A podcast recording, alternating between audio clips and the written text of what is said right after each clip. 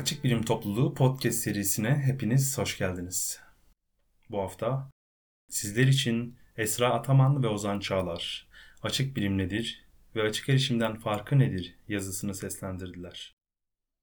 Keyifli dinlemeler dileriz. Açık bilim, bilimsel pratiğin daha açık, şeffaf ve özenli hale getirilmesini, bu sayede tekrarlanabilir ve yeniden üretilebilir bulgulara ulaşılmasını amaçlayan bir hareket olarak ortaya çıkmıştır. Bahsettiğimiz bu temel kavramların özümsenmesi, açık bilimin daha iyi anlaşılmasına katkı sağlayacaktır. Şeffaflık, bilimsel bir çalışmanın tüm aşamalarının ve bu aşamalarda alınan kararların detaylı bir şekilde anlatılmasını, kullanılan materyal ve ham verilerin okuyucuyla doğrudan paylaşılmasını kapsamaktadır. Bu aşamalara örnek olarak varsayımların belirlenmesi, veri toplama aracının geliştirilmesi, verinin toplanması ve ham verinin ortaya çıkarılması gösterilebilir. Bilimsel pratiği daha özenli hale getirmede kullanılabilecek temel yollar şu şekilde sıralanabilir. 1.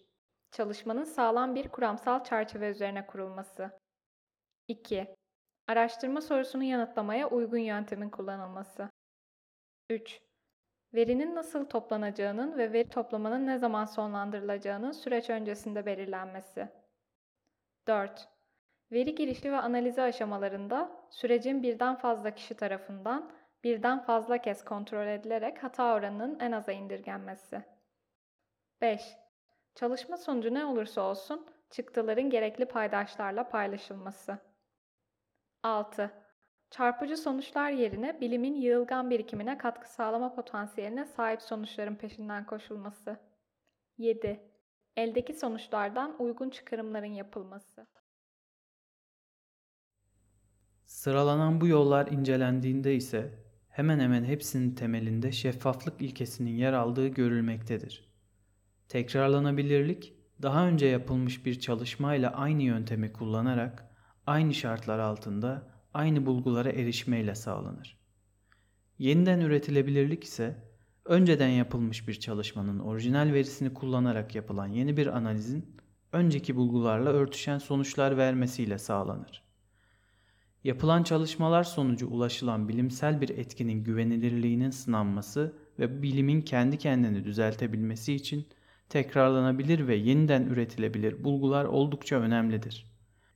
Açık bilim denildiğinde genellikle akla ilk gelen bilimsel çıktıların herkes tarafından ücretsiz olarak erişilebilir, kopyalanabilir ve bilimsel amaçlar için kullanılabilir olmasıdır. Fakat bu tanım aslında açık erişim kavramına karşılık gelmektedir.